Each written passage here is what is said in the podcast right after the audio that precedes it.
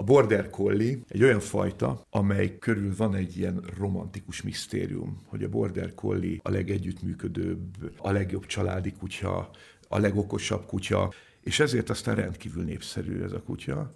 Nagyon sokat várnak a gazdák, és aztán jön a valóság. Ami még ennél is jobb, vagy amikor a gazda nem tudja ennek a fajtának az igényeit kielégíteni, amikor, a, amikor nem tud rárezegni a gazda a kutyára, akkor egy olyan szembesülés, hogy, hogy hát tulajdonképpen kevés vagyok hozzá, kevés abban az értelemben, hogy idővel, türelemmel, érzékeléssel, figyelemmel. Tehát, tehát ez nagyon sokszor előfordul, hogy a border collie sokkal többet kér a gazdától, mint amennyit a gazda tud adni a kutyának.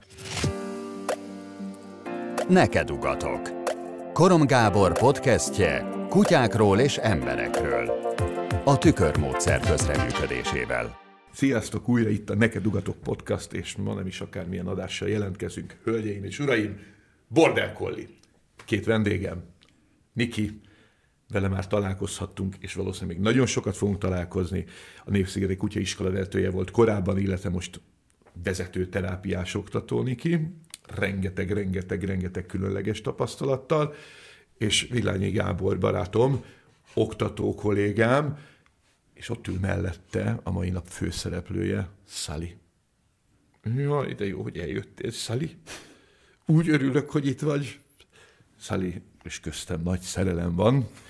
Nincsen olyan alkalom, nincsen olyan találkozás, mikor Szali ezt ne fejezné ki irányomba, úgyhogy nagyon örülök, hogy Szali van itt. Ezzel le is lőttem azt, hogy a Border Collie-ról ma úgy fogunk beszélgetni, hogy oktatói szemmel nézünk rá. Lesz majd Border collie adásunk egészen bizonyosan gazda szemmel, vagy akár más, akár más szemlélettel, de ma oktatói szemmel. Niki, először neked adom a szót, mert azt hiszem, hogy így illik. A, a te tapasztalatod Border Collie ügyben, általános tapasztalatod, hány Border Collie-val dolgoztál, milyen, milyen ö, tipikus problémákkal szoktak border collie-kal fordulni hozzád? Alapvetően én ugye két helyen találkozok a border collie-val. Az egyik a tanfolyam, amikor valamire készülünk, vizsgára készülünk, és tanítási feladatok vannak, illetve a terápia, viszont az egy picit ilyen szempontból megtévesztő, mert minden, hozzánk mindenfajtából a problémás egyedeket hozzák, tehát hogy nem lehet ilyen nagy általánosságot. Nem lehet kiindulási alapot. Így van, nem lehet kiindulási alapot, viszont azért azt el lehet mondani, hogy mondjuk, hogyha egy border collie hoznak, akkor mondjuk milyen problémák jelennek meg általában, és mi az, ami kevéssé, vagy milyen, ami a tanításban megjelenik. És azért mutatom a hármat, mert van egy harmadik is, ezt a nézők kevésbé tudják, de te ugye magas vizsgákra készítesz fel kutyákat, és azt hiszem, hogy ott azért nagyon sok border collie találkozol.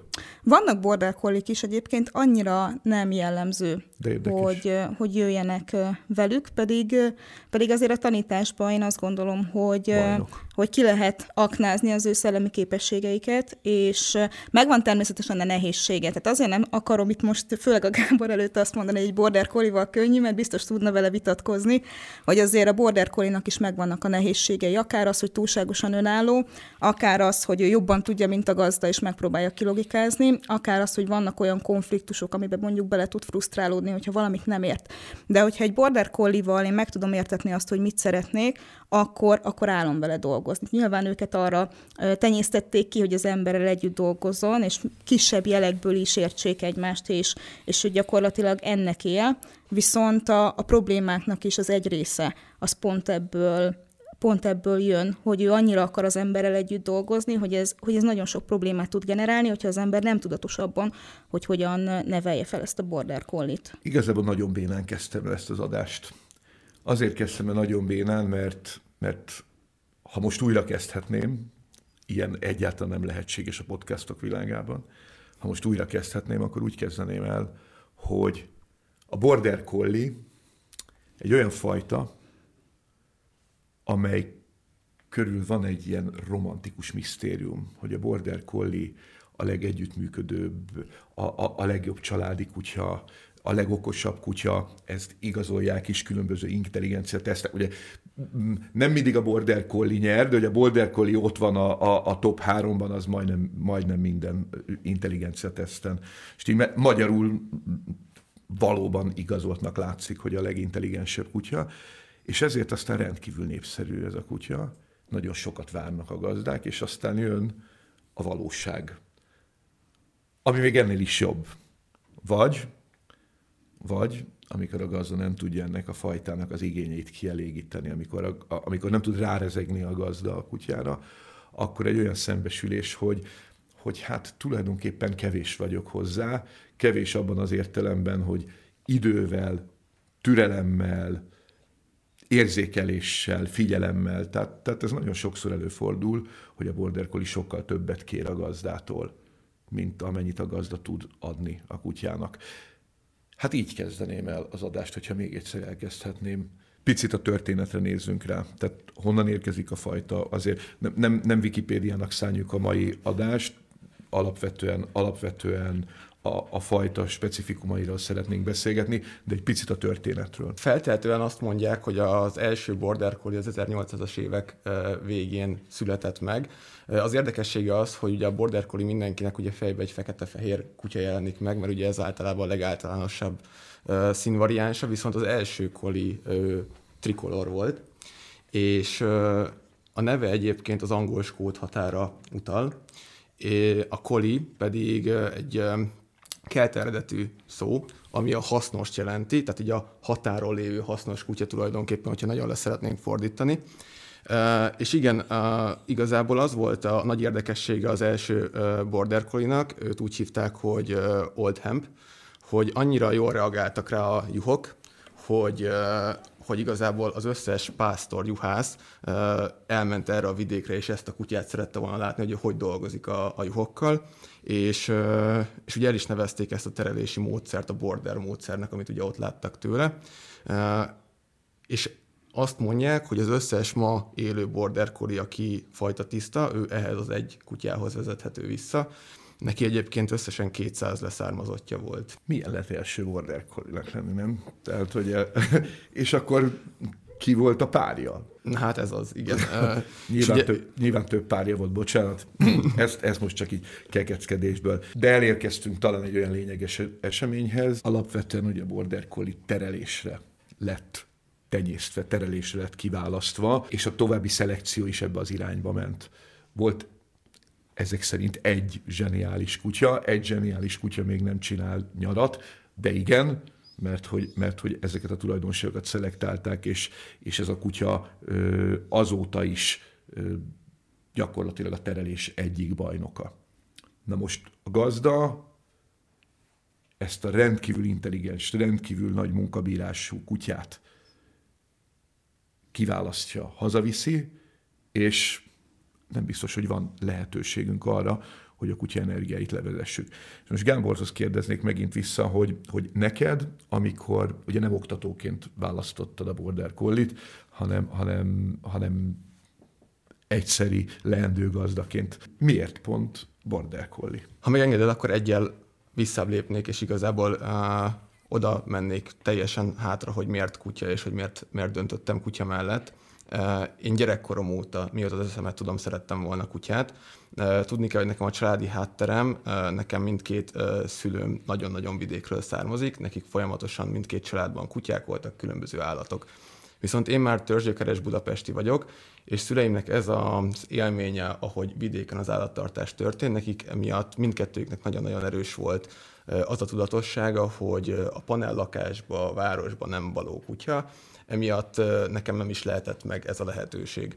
Viszont ugye most már két éves Szali, eljutottunk párommal ugye arra a pontra az életbe, hogy akkor most már ön erőnkből, saját tudatos választásból szeretnénk kutyát, és hát igen, a Border Corridor esett a választás. Ahogy te is már említetted, volt ugye pár évvel ezelőtt egy nagyobb ilyen sajtófelkapása annak, hogy mennyire okos a border collie, meg hogy a legokosabb a világon, stb. stb. Hát ez, nem, ez, ez, ez nagyon sokszor megtörtént igazából. Ez, Igen. ez szerintem elkezdődött valamikor tizen évvel ezelőtt, és azóta folyamatosan ilyen hullámokba bejön. Pontosan, és egy ilyen nagyobb hullámot látva, halva, ugye mi is felkaptuk rá a fejünket. Nekem amellett, hogy én mindig szerettem volna kutyát, engem kiskoromban mindig lenyűgöztek azok a sorozatok, mint a Rex felügyelő, vagy akár már amikor bejött a YouTube, hogy miket lehet a kutyákkal tulajdonképpen közös munka címszó alatt elérni, engem ez mindig lenyűgözött. És, és a borderek jól taníthatóak, emiatt én mindenképpen szerettem volna egy olyan kutyát, akivel lehet ilyeneket csinálni és, és tulajdonképpen ezért esett a választásom, választásunk a Border collie mert szerettem volna vele mindenképpen dolgozni.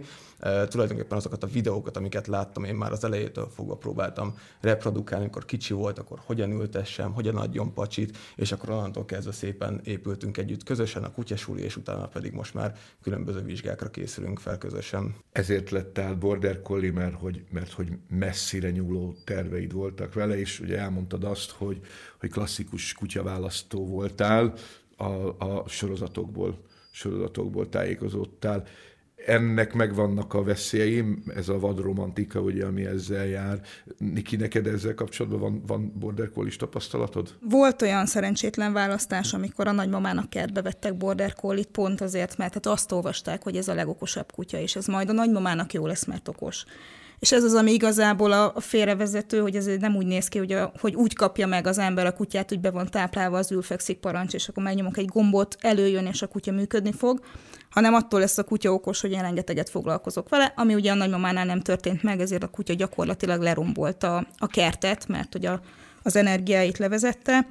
A, a Border Collie valóban egy, szerintem egy ilyen 15-20 éve van ilyen nagy divatban. Tehát ahogy kijött ez, a, ez az, ő a legintelligensebb kutyafajta, elkezdték az emberek felkarolni, venni maguknak, és akkor utána meglátták, ráadásul azért egy szép kutyáról van szó, tehát hogy sétálsz az utcán, jaj, de szép, milyen fajta, jaj, de okos. Nagyon nekem is, is, így van, nekem is, nekem is ilyen uh, kutya kell, és egyre többen vesznek magukhoz, viszont, uh, viszont itt szerintem azt is meg kell nézni, hogy az ember honnan vesz border collie mert azért vannak még azok a border collie akik az úgynevezett munkavonalasak, akikkel tényleg terelnek az ősökkel, nagyon sokat dolgoznak velük, és nem mindegy, hogy az ember mondjuk egy olyan szülőpártól választ kutyát, vagy már egy picit elmegy a softabb sóvonalra, és mondjuk egy olyan szülőpártól választ kutyát. Nyilván, aki a sóvonalas kutyát választja, azzal is rengeteget kell dolgozni, csak hogyha még sikerül egy munkavonalas border collie választani, aki, aki gyakorlatilag még tényleg az anya-apa terel, és ott van a birkák hát között, az már tényleg ilyen... Így van, tehát hogy az már a, az öngyilkosságnak a kategóriája, nyilván nem beszélve arról, hogyha valaki, vagy tehát hogy, tehát, hogy nem úgy értem, hogyha valaki tudatosan tudja, hogy ő egilitizni szeretne, de majd erre is egyébként később kitérek, vagy tudja, hogy ő terelni szeretne, és ő tudatosan választ egy olyan párosításból kutyát, akkor, akkor az egy más, más tészta. De nem attól leszek egyébként én jó egilitis vagy jó terelő, hogy veszek egy jó kutyát. Tehát, hogy ez, ez se így működik, hanem nekem már kell egy tudással rendelkeznem, ahogy felnevelek egy ilyen kutyát. Nagyon sok, nagyon sok ember akkor döbben rá, hogy tényleg, hogy mi van a kezében, amikor már megvette a, megvette a kutyáját, és jönnek az első problémák. És ezek a, ezek a problémák, ezek abból fakadnak pont, amilyen maga a kutya. Tehát az egyik az a, az a munkamániája a kutyának, hogy ő nagyon akar és szeret dolgozni, és az egyik probléma, ami ebből adódik, az, az például az, hogy nagyon nehezen tud a kutya pihenni, lenyugodni, tehát hogy elkezd akkor ő saját maga kitalálni magának feladatokat, kényszeres viselkedéseket, és a többi, és a többi. Ugyanúgy a munkamániából fakad az a probléma, hogy a, a kutya nagyon szeret a gazdájával együtt dolgozni, a gazda Nyilván szeret a kutyájával együtt dolgozni, viszont ezért a kutya kikerül a szocializációs közegből, és amikor elviszem kutyák közé, akkor nem kutyázni fog, hanem ott fog csüngeni rajtam, hogy adjál feladatot, adjál feladatot. Nyilván a gazdának ez tetszik, mert miért ne tetszen, hogy a kutyája vele akar foglalkozni, és a kutyát kivesszük ebből a közegből, és lesz egy olyan border collie, aki majd kicsattog a többi kutyára, frusztrált lesz, nem tud kommunikálni a kutyákkal. Tehát ez, ez például a legtipikusabb probléma, hogyha hoznak egy border collie hozzánk, akkor a legtipikusabb probléma az, hogy a gazda mellől folyamatosan elcsattogja. Így van, terápiára. most nem a, nem a kutyasulira, most nem a kutyasuli, hanem hozzá terápiára. Amikor problémával jönnek, akkor ez az egyik legtipikusabb probléma, hogy a kutya befrusztrálódik és elcsattogja magától a kutyákat, nem tud velük mit kezdeni, nem tudnak szépen játszani, nyilván mert nem tanulták meg ezeket a dolgokat. Tehát hogy meg kell találni azt az egyensúlyt, hogy dolgozok a kutyámmal, és engedem, hogy menjen és ő kutyázon, és játszon a többi kutyával. Iszonyú fontos dolgokat sűrítettél be ebbe a nagyon, nagyon tömörített hozzászólásba, ezeket muszáj pontonként kivennünk. Ilyen az, hogy okos kutya, ilyen a, a tenyésztési szelekció, ilyen a pótcselekvések, és ilyen a, a, a, a túlkötődés, illetve ebből fakadóan a szeparáció. Ezeken menjünk most végig, mert ezek nagyon hasznos információ, mindegyik nagyon hasznos információ egy leendő border tulajdonosnak, sőt szerintem egy, egy, egy olyan border tulajdonosnak, aki most egyébként ezekkel küzd. Okos kutya. Mondanék pár szót, és utána átdobom nektek a, az ott. Az, hogy okos kutya, ez egy rendkívül rossz társadalmi beidegződés. Mert hogy, mert hogy amit okos kutyának szoktunk nevezni, így, így társadalmiak elfogadott kifejezésként vagy fogalomként, az igazából az együttműködő kutyát jelenti. És az együttműködő kutya az a kutya, aki, aki meg akar felelni a gazdának. Általában innen mérjük az okosat. Mert hogy a Bigül egy rendkívül okos kutya, csak benne ez a megfelelési vágy nem annyira erős, mondjuk, mint egy retrieverben, vagy akár egy border collie-ban. A border collie az a tapasztalatom, hogy ez elég magas szintű, ez a gazdának való megfelelési vágy, de az, hogy okos a kutya, az egy másik paraméter. És itt muszáj egyfajta különbséget tenni az okos kutya és az együttműködő kutya között, akár a border collie fajtán belül is. Az okos fogalmát boncolgatnám egy picit talán, hogy a, a kutyának a tanulási folyamata és az értése, az érzékenységéből fakadóak egyébként, hogy, hogy, tehát, hogy nagyon jól megfigyeli a gazdát, minden rezdülésére mozdul, és nagyon gyorsan megtanulja a dolgokat. Tehát viszonylag kevés számú megerősítéssel és ismétléssel a kutya megjegyzi a folyamatot. Na most ebbe benne van... feladatokat is könnyen lehet neki tanítani. Így van. Viszont benne van az a nehézség is, hogyha én ennél a kutyánál adok két-három rossz megerősítést, akkor ő megtanulja ezeket a feladatokat rosszul. Tehát van olyan fajta, vagy van olyan egyed, inkább úgy mondom akármilyen kutyánál, hogy több rossz megerősítés is belefér, de a Border Collie-nál ha én dolgozok vele, és kétszer ráklikkelek rosszra, akkor ő ezt fixnek veszi, hogy akkor azt is csinálni kell. Vagy észre se veszem, hogy a kutyám egy viselkedésláncot csinál, mert én mondjuk csak a folyamat végére akarok ráerősíteni, mondjuk azt akarom csinálni, most a szeliból kiindulva, hogy rakja bele a labdát a vödörbe, vagy az ügyességi ötös feladaton, de hogyha előtte ő azt kitalálja, hogy meg kell kerülni a vödröt, és utána rakja bele a labdát, és én ezt kétszer leklikkelem, akkor a kutya viselkedésláncba fog dolgozni. De az okos, az alapvetően azt jelenti, és hogy amikor azt mondták, hogy a border collie intelligens, ez is azt jelenti, hogy milyen a kutyának a probléma megoldó képessége, hány ismétlésből tanul meg dolgokat, ez az okossága a kutyának. Az együttműködése, az meg nyilván az, hogy én mennyire tudom a kutyát megnyerni magamnak.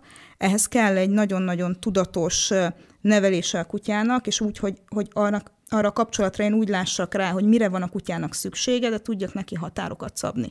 Mert hogyha van egy border collie, akivel én nem foglalkozok, nem vezetem le az energiáit, akkor az a kutya nem lesz velem együttműködő, abból szoktak azok a problémák jönni, hogy kergeti az autókat, nem tudom sétáltatni, és az együttműködésnek a, a minimális ö, jelét sem mutatja a kutya, mert az igényei nincsenek kielégítve. Igen, ezt abszolút én is meg tudom erősíteni, amit a, a Niki mond, ez, ez tipikus egy borderes dolog, hogy muszáj nagyon tudatosnak lennünk a, a tanításnál. Nagyon hamar, nagyon könnyen megtanulják azokat a félrement megerősítéseket, amiket mi adunk nekik. Mondok egy példát, hogyha ültetni vagy fektetni tanítjuk a kutyát, és egyszer egy madár miatt, egy mókus miatt odaugatott, és mi azt leklikkeltük neki, nagyon-nagyon könnyen át tud fordulni abba, hogy akkor innentől kezdve minden fekvés ugatással kezdődik. Ezeket ki lehet szépen venni, és uh, lehet ezeken újra dolgozni, csak ez, ez nagyon magas tudatosságra van szükség, hogy lássuk, hogy a kutya mit miért csinál. Úgyhogy itt ezt uh, raknám be mindenképpen egy ilyen pluszként, hogy, hogy amit a Niki mondott. Ez az okos. Ez És okos. akkor nézzük, nézzük azt a paramétert, amit általában általában a, a, a kutyások vagy az emberek okosnak gondolnak az együttműködés, az együttműködési hajlam. Ezt hogy látod a Border Collie-nál? Nagyon magas a Border Collie-nál, tehát az abszolút látszik rajtuk, hogy ha főleg olyan gyakorlatokról van szó, ahol fókuszálni kell és a gazdára kell figyelni, akkor nagyon-nagyon nehezen lehet elterelni a figyelmüket, tehát tényleg az van, hogy a gazda szeretne tőlem valamit, akkor én az, arra meg szeretnék felelni, figyelek, megállok, lefekszek, mindegy, hogy mellettem mit csinálnak, én akkor is a gazdával szeretnék együtt valamilyen interakciót csinálni. Úgyhogy abszolút ez, a, ez az együttműködés az, amit én is így az okosság mércének tudnék be, be, betenni náluk. A tanításban az, hogy okos egy kutya, az leginkább akkor segítség nekem, hogyha rendelkezem olyan tanítási képességgel, amely ezt ki tudja aknázni.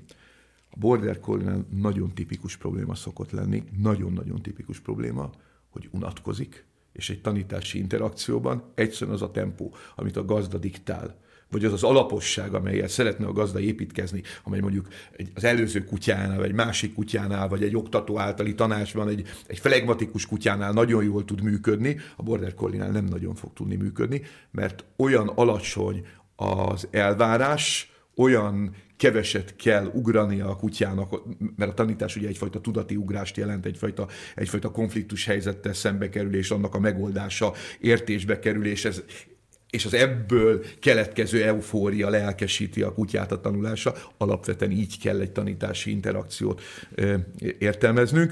Na most a Border Collie ebben ö, felgyűrt újú világbajnok. És amikor a felgyűrt újú világbajnok kvázi nem ehhez felkészült trénerrel, gazdával találkozik, akkor egyszerűen belemegy, és iszonyatos módon elkezd tempót diktálni. És nem is csak az van, hogy rossz, tehát nagyon fontos az, amit elmondtatok a rossz megerősítések, a gyors tanulása, de én nagyobb problémának érzékelem, sokkal nagyobb problémának azt, hogy egyszerűen a kutya azt mondja, hogy hogy mint Roald Dahl Komód című novellájában, ahol, ahol a régiség kereskedő rátalál egy, egy fantasztikus értékű komódra, nem meri elárulni a, a, a, a fészerben előkerült cuccról, hogy milyen értékű, mit tudom én, hanyadik Lajos korabeli valamilyen, valamilyen rendkívül értékes bútordarab, és bocs, hogy elspoilerezem, de, de, de, de hogy nagyon jellemző ez a border collie ez a viselkedés, és azt mondja, hogy hát ő, ő ad érte száz fontot, mert ő neki tűzifának kell és akkor meg is egyeznek, elmegy a kocsiért, visszamegy, hogy a komódot elvigye, és mire visszaér, már felaprították a komódot, mondván a tulajdonos, hogy figyelj, ennyi pénzért, hát az a minimum, hogy még fel is aprítom neked. Na, Border Collie valahogy ilyesmi. Tehát azt mondja, hogy egy jutalomfalatért én megcsinálok neked sokkal többet, mint amennyit te gondoltál, és egy olyan ilyen proaktivitás jellemzi a kutyát, amely proaktivitásban, hogyha nem vagyok résen, és nem emelem az elvárásokat, és amely proaktivitásban, hogyha nem vagyok tudatos, és nem jó irányba terelem, akkor, akkor el tud csúszni. Tehát én ezt szokt, e, e, általában ezt szoktam tapasztalni, így a, a, a border collie okosságának a, a, a terhét. Igen, erre, ha nem haragszol, akkor rácsatlakoznék, hogy ezt abszolút látom én is, meg magamon is látom így kicsit így visszatekintve, amikor elkezdtem vele dolgozni, hogyha nem adok neki elég kihívást, akkor elkezdő magának kitalálni kihívásokat, és akkor ebből lesz az, hogy igen, első ránézésre, fú, milyen ügyes, még ezt is megcsinálja, bár ezt nem én kértem tőle, de nem baj, jó lesz az úgy, és ilyenkor szoktak nagyon szétesni a dolgok, amikor szeretnék a végén valamit elérni. Úgyhogy ez abszolút igaz, hogyha nincs elég kihívás, akkor magának fog beletenni. Nem tudom, Niki, te, hogy találkoztál ilyen, hogy két hét múlva már tudja az anyagot, öt hét múlva még már semmit nem tud belőle. Ez elég jellemző szokott lenni ezeknél a, ezeknél a kutyáknál, hogy összerakja nagyon hamar, aztán megunja, és akkor elkezd ilyen extrákat belerakni, és ettől szétesik az egész feladat, mert hogy ő nem hiszi el, hogy tényleg ennyire egyszerű, és ezt kell csinálni 86-szor is. Hát meg uncs is. Meg uncs is, és, és akkor ő előre dolgozik, vagy kitalálja, vagy, vagy például van egy ilyen feladat, ahol szagazonosítás van, és a gazda szagú cipőt kell kiválasztani, és akkor ő kitalálja, hogy nem, ez, ez túl egyszerű, és akkor logikát keres benne, hogy akkor most a harmadik volt, most a második, akkor most a középső lesz, és akkor elkezd a kutya logikázni. Tehát, hogy azt lehet, hogy könnyebb vele elérni, hogy valami bonyolultat tanuljunk meg, de az egyszerű dolgokat. Tehát, hogy az, hogy mondjuk az a feladat, hogy fekszik marad, és nem kell semmit csinálni, azt szerintem az egyik legnehezebb kihívása a Border Collie-nak, hogy feküdjél 5 percig nyugodtan, és semmit nem kell csinálni, és ez most tényleg ez egy, ez egy feladat. Úgyhogy, úgyhogy azért nem szeretem, amikor azt mondják, és azért is mondtam, hogy szerintem biztos, hogy a Gábor is ezzel találkozott, és valamilyen szinten azért egy frusztráló tud lenni, amikor azt mondják, hogy elér az ember egy eredményt, és azt mondják, hogy oké, okay, de hát egy border collie könnyű. És hogy nem, nem könnyű, csak más nehézsége van, mint egy sibának. Megfelelő tanítás technikai tudással, egy flegmatikus kutyával nagyon messzire el lehet menni, és pont azért, mert, mert nem nem túl kreatív a kutya. Ez bármennyire nehéz is kimondani, de hogy ez van a kutya kiképzésben, a kutya oktatásban, nagyon régóta tehát ennek már tradíciója van, hogy nem a kreatív kutyát keresik, nem az okos kutyát keresik. Én német juhász szóval versenyeztem, német juhászt tenyésztettem, meglehetősen mély ismeretem van a német juhászról. A német juhászt nagyon okos kutyának mondják, de a német juhász abban az értelemben nem okos, hogy nem olyan kreatív, közel sem, mint egy border collie. Viszont képezni, tanítani sokkal könnyebb. Sokkal, de sokkal könnyebb,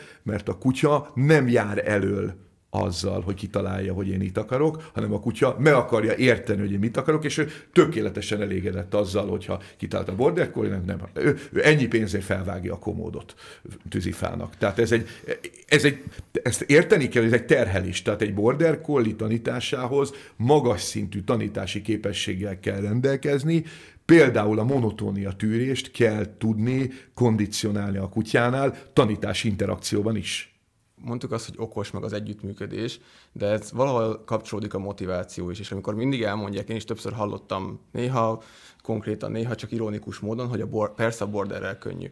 Igen, csak hogy nála ugye az a nehéz, hogy borzasztó motivált. Minden feladatra ő azonnal bekapcsol, hogy csináljuk, menjünk, gyerünk, gyerünk, gyerünk azonnal. Nálam nem az a feladat, mint mondjuk egy sibánál, hogy felpörgessem, hogy na akkor most meló van és csináljuk, hanem pont az, hogy amikor dolgozni kell, akkor nekem vissza kell tudnom hűteni arra a motivációs hőmérsékletre, ahol lehet vele dolgozni, ahol tudja értelmezni a feladatot, és nem kezd majd először vissza rohangálni, meg csinálni, meg plusz dolgokat beletenni. Tehát nála például ez az, ami el, és nem csak nálam, így általánosságban a bordereknél, hogy ezt a motivációt kezelni tudatosan mint javasoltam a megkülönböztetés, hogy az együttműködő és az okos kutyát azt mindig vegyük külön, tehát ez két bár nem egymástól teljesen független, de mégis két különálló paraméter. A Border Collie alapvetően elmondható, hogy az együttműködési képesség a kutyának nagyon magas szintű.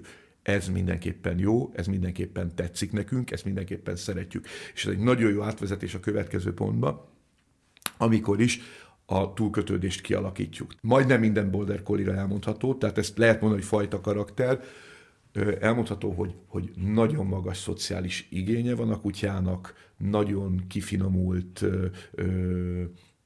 különböző, különböző szociális helyzetekbe magát betenni, abban részt venni. Én ismerek sokkal kifinomultabb szociális képességű kutyákat, de arra nem gondolná az egyszeri gazda, hogy az kifinomult szociális képesség az, amit általában mi annak gondolunk, hogy szívesen jön be egy társaságba, szívesen ö, ö, ö, teszi bele magát egy interakcióba, na ebbe a Border Collie szintén felgyűrt újú ö, ö, bajnok, tehát, ő, tehát ő, ő ezt nagyon tudja. Viszont ebből az alapadottságából keletkezik a következő Border Collie probléma, amit már a Niki lekészített nekünk a, a, a, az összefoglalóban. Ez a, ez a túlkötődés, a, a túlzott munkára irányultság, bizonyos értelemben a, a szűk szociális téren kívül a tág szociális tér figyelmen kívül hagyása, ami amúgy egy egészségtelen állapot mindenféle szempontból. Ugye ezt el is mondtam, hogy a legtöbb probléma az abból fakad, hogy, hogy a kutyák azok, vagy a border collie azok nem, nem nincsenek jól szocializálva, és ez a gazda de úgy, hogy a gazdász nem tudja, így hogy van, így van, tehát hogy ő, ő azt gondolja, hogy jól van szocializálva, meg viszi is kutyák közé, de mivel a kutya annyira vele akar dolgozni, önkéntelenül is kiveszi a kutyát a, a szocializációs térből. Tehát, hogy lemegy a kutya, kutyával a kutyák közé, a kutya szétnéz, megnézi, hogy kik vannak itt, azt mondja, hogy uncsi, visszamegy a gazdához, hogy adjál feladatot, és akkor a gazda azt mondja, hogy fú, de jó, hát velem akar dolgozni, adok neki feladatot, és az önkéntelenül átmegy abba, hogy a kutya gyakorlatilag, de a border collie kiveszi magát ebből a szocializációs de, térből. De Miki, ez miért baj? Egy, egy gazda erről, erről álmodik. Hát most, aki ezt meghallgatta, az már is rohan, hogy, hogy egy border collie vegyen. Hívjuk őket vissza, hogy hallgassák meg. Miért, ez miért baj? Alapvetően azért, mert a kutya nem tanul meg kommunikálni a többi kutyával. Kiveszi magát belőle, és hogy ez miért probléma, az azért probléma, mert a kutya, ha mégis belekerül egy ilyen helyzetbe, akkor frusztráltá válik, hiszen nem tanulja meg, hogy mit kéne csinálni. Alapvetően egyébként, hogyha visszagondolunk arra, hogy, hogy a border collie mire tenyésztették ki, akkor őt ugye arra tenyésztették ki, hogy a birka nyájakat terelje, volt a juhásznak egy-kettő vagy maximum három border collie, akivel ilyen 500, 600, 800, 800 fős nyájakat tereltek, tehát a kutya nem is arra lett szelektálva, hogy ő a fajtársaival játszon, mert azért az egy elég furán néz neki, hogyha ők ott a birkakergetés közben elkezdenek játszani egymással, gyakorlatilag el kell, hogy viseljék egymást, de nagyon nem interaktáltak egymással. És ezt a kutya, vagy a border collie hordozza is magával, és ezen kell tudatosan dolgoznom, mert a, a mai világunk az olyan, hogyha viszont én a kutyát behozom a városba, és kimegyek fel a parkba, akkor ott lesznek kutyák. Van olyan szituáció, amikor nekem el kell engedni őt kutyák között, elmegyek egy foglalkozásra, ott is van rengeteg kutya, és ne jelentsenek a, a border collie az extra terhet, hogy most itt vannak a kutyák, de én azt az időt, amit arra kellett volna fordítani, hogy velük megtanuljak beszélgetni, amikor kicsi voltam, arra fordítottam, hogy a, hogy a gazdámtól kértem a feladatot, és most meg már nem tudom, hogy hogy kéne velük beszélgetni, és ezért, mivel nem tudom, hogy mit kéne velük kezdeni, és frusztrált vagyok, elkezdem őket elzavarni magamtól, hogy hagyjatok békén és ugye ez szokott lenni ez a tipikus kicsattogós border collie, ami aztán generálja tovább a problémákat, hogy a kutya ebből beleerősödik, mert ezt is megtanulja, hogy ha én kicsattogok, békén hagynak, egyre erősebben fog kicsattogni, és fog olyan kutyával találkozni, aki azt mondja neki, hogy na, hát ezt velem nem teszed meg, és akkor már ott van a balhé meg a verekedés. Tehát, hogy ez olyan feszültségeket és frusztrációt rak a kutyába, ami nem egészséges, tehát ő maga is terhelődik ettől, és egy idő után a környezetének is egy, egy terhet fog jelenteni, ezért kell vele foglalkoznom. Nagyon tipikus az, hogy ugye most a Niki elmondott, hogy jó, akkor a egyszerű megoldást nem teszem feladatba a kutyát, és akkor majd biztos megoldódik. Egy bordernél az nagyon-nagyon könnyen feladattá tud válni, hogy labdázunk. Úgyhogy én gazdiként azt mondom, hogy játszok egy jót a kutyával. De nem, mert valójában neki az egy feladat lesz innentől kezdve, hogy jó, vedd elő a labdát, dobd el, én hozom vissza, és ezt megcsináljuk tízezerszer. Ő ezt simán le, lenyomja, addig, ameddig én mondom neki azt, hogy jó, akkor most már nem szeretnék játszani. És pontosan ez történik, én is tapasztaltam saját személy szerint is, meg látom más bordereseknél is, hogy lemennek kutyafuttatóba, jó, a kutya egy kicsit körbenéz, oké, ez unalmas, és akkor jöjjünk vissza, és akkor a gazdi előveszi a, előveszi a labdát, és elkezdenek labdázni, a kutya feladatba kerül, nem foglalkozik a többiekkel, és akkor elkezdenek azok a uh, viselkedés minták, amiket a Niki is már említett. Úgyhogy ez, ez szerintem borzasztó fontos, és mi már tudatosan, én nem viszek magammal semmilyen játékot sétákra, meg bárhova, ahova megyünk, és tudom, hogy lesznek kutyák, mert nem szeretném, hogy ő feladatként próbáljon tőlem bármit elkérni. Most ezt úgy mondja Gábor, mint hogy ezzel meg is lenne oldva a probléma, mikor ő Nem. felveszi a fűszálat, meg felveszi Valóban. a fadarabot, sajnos, sajnos ez nagyon gyorsan átrakja, általánosítja más tárgyakra is. Valóban. Csak igen. azért ezt mondjuk el, hogy, hogy, hogy ez még nem a megoldás. Ez még nem a megoldás, ez talán az első lépés a, a, a megoldás felé. Ugye itt vannak különböző ö, technikák vagy módszerek, amiket mi is szoktunk ugye folyton javasolni, ilyen például egy napközi, ahol tök jól tudnak a kutyák egymással szocializálódni, nagy tömegben vannak, vannak kutyák, akik tudnak tanulni, ő is tud olyan viselkedéseket felvenni, amik utána tényleg az ő kommunikációját segíti a többi kutyákkal, úgyhogy ez, ezek szerintem például a Bordernél abszolút nagyon fontos, hogy egy ilyen helyzetekbe is beletegyük őt. Niki beszélt arról, hogy, hogy séta közben a kutya nem foglalkozik a környezetével. Ez gazda szemmel kifejezetten jó dolognak tűnik. Mi a baj ezzel? Niki kifejtette, hogy, hogy, hogy ez azért önveszélyes viselkedésé tud válni. Én még egy, egy aspektust hozzátennék ehhez. Tehát képzeljük el valahogy azt, hogy egy, egy, egy ember bemegy egy közösségbe, amely közösségnek vannak írott és íratlan szabályai, és elkezd egészen máshogy viselkedni ez egy viselkedés zavar abban a közösségben. Tehát, hogyha nem vesz észre szociális helyzeteket, szociális gesztusokat, tehát a, a mit tudom én, ha nem köszönöm meg a, a, a, a, a pincérnek, hogy kihozta nekem az ételt, megtehetem, megtehetem, de azzal azt a szociális teret rombolom. És ez még csak egy finom gesztus, ennél sokkal messzebbre el tudunk menni, hogyha a szociális térben romboló módon vagyunk jelen, és ez nem csak a nem csak a, a, az én szűk teremet, hanem a közösséget is rombol. És a, a közösség egyszerűen úgy működik, hogy megpróbálja ezt a helyére tenni. Tehát más kutyák érdeklődve nézik, mi bajod van, beteg vagy, ö, megpróbálják kioldani, megpróbálnak segítséget adni neki. Ez az a kutyáknak egy önkéntelen viselkedése, ugye ti ezzel nap mint nap dolgoztok, Niki, és az a kutya, aki erre nincsen készen, illetve a másik gazda esetleg nem figyel oda, és engedély a kutya saját szándékából elmenjen és játékra hívja a border collie és a többi, és a többi, ebből generálódik akár egy agresszió helyzet is. Ti a terápia során tudatosan bontogatjátok ezeket a falakat a kutyáknál, szakképzett kutyákkal, szakképzett oktatók figyelmével menedzselitek tulajdonképpen ezt a szociális folyamatot. De amikor az utcán ez úgy történik meg, hogy, hogy egy kutya, akinél nincs meg a megfelelő kontroll, egy gazda, aki nem érti, hogy a kutya mit csinál, és sajnos azért általában ilyen mélységben nem értjük a kutyákat, ott abból könnyen, könnyen akár komolyba is keletkezhet. Városliget mellett lakom, és ott például van is egy olyan border collie, aki sétál a gazda elől, és gyakor, vagy a gazda előtt is gyakorlatilag három méterre nem közelíti meg senki, mert a kutya mindenkire vicsorog.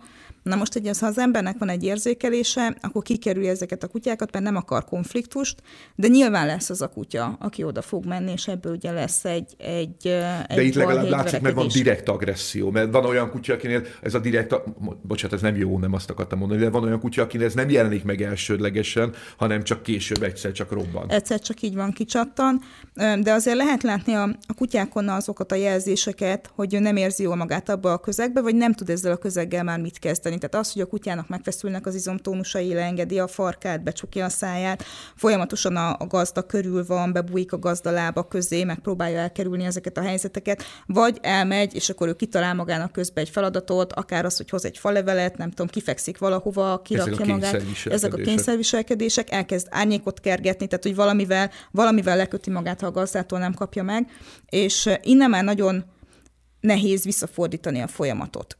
Viszont, hogyha kölyök korától kezdve én erre odafigyelek, és amikor elmegy, elviszem a kutyát a kutyaóviba, vagy akár egy közösségbe, akkor már figyelek arra, hogy már ott ne legyen az, hogy én a kutyámat kiveszem ebből az interakcióból, ne vigyek labdát, ne kezdjem el ott jutisztatni, hagyjam, hogy kutya legyen, hagyjam, hogy a, Pedig hogy a olyan cuki nem oda jön, és olyan, olyan jó, hogy velem foglalkozik. Igen, igen, mindenki, mindenki tényleg erről álmodik, de hogy ez, ez úgy is meg lesz, hogyha én tudatosan nevelem Főleg a kutyámat. Így van, tehát hogy, hogy ez elő fog jönni, hogyha én elkezdek vele dolgozni, de igenis bele kell építeni a mindennapi rutinjaimba azt, hogy most van az az idő, ami arról szól, hogy te szocializálódsz, hogy te a fajtatársaiddal leszel. Nyilván vannak azok a fajták, akik, akik nagyon nagy szociális észséggel vannak a kutyák irányába. Ez azért a border collie nem jellemző, inkább az emberek felé van szociális észséggel, tehát azt, azt azért ne is gondoljuk, hogy ő majd ilyen nagyon nagy parti arc lesz. Persze nyilván vannak egyedek, akik azok, de ők a ritka kivételek, de az, hogy ő tudjon kommunikálni, ismerje fel a jelzéseket, be tudjon illeszkedni egy közösségbe, az mindenképpen a gazda feladata, hogy ezt elérje a kutyánál. Megvilágítanám talán abból a szemszögből is ezt a helyzetet, hogy ez a, ez a kutyának miért nem jó, mert hogy itt jellemzően egy stressz, egy permanens, egy folyamatos stressz állapotról beszélünk. Tehát a pótcselekvések kialakulása is jellemzően stresszkezelési technika. Ez lesz a következő pontunk, úgyhogy most még egy picit maradnék a stressznél. Az, hogyha egy szociális térben nem szerepelek, tehát, mert, mert a szociális tér igazából arra való, hogy bizonyos feszültségeket kiengedjek, pletyízzünk egyet, rohangáljunk egyet, meccseljünk egyet, és, és megvan, az a, megvan az az időtartam, és megvan az a mennyiség, ami, ami ebben a közegben feszültséglevezető. És ezért járunk sétálni a kutyával, például ezért járunk sétálni, nem csak azért, mert el kell végezni a dolgot, hanem azért, hogy egy, ezt a feszültséget leadja, plusz plusz azokat az igényeit kielégítse, hogy, hogy találkozik ellenkező nemű kutyával, fajtársal, ellenkező nemű kutyával, de akár emberekkel, és a többi, és a többi. Hogyha ebben a közegben nem feszültséget oldok, hanem feszültséget generálok, akkor azt úgy kell elképzelni, mint a hógolyót, amely a hegy tetejéről elindul. Oké, hogy ez nagyon lassan, talán nem a lavina volt a jó példa, mert ez évek alatt halmozódik ez a stressz, de olyan szinten tud halmozódni, hogy ez akár, akár fizikai szinten megjelenő betegségeket okozhat. És nem beszélve arról, hogy egy stresszes állapot nyilván csökkenti a kutya élettartalmát, életidejét is. Tehát ezért is fontos az, hogy egy egészséges szocializációja legyen a kutyának. És az egészséges szocializáció az azt jelenti, hogy azon kívül, hogy a gazdával van egy nagyon jó kapcsolata, a környezettel is tud kommunikálni. A Niki elejtette ugye azt egy fél mondatban, hogy, hogy neki inkább az emberekhez van igénye, és hogy csak egy leendő borderes gazdiknak mondanám, hogy én mindig elmorzsolok egy könycseppet, amikor azt hallom egy borderes gazditól, hogy, hogy őt a kutyát kirakták a kertbe, és akkor majd ott ő el van magától. Yes. Neki borzasztóan nagy igénye van arra, hogy bekerüljön a családba, bekerüljön a lakásba, az élettérbe.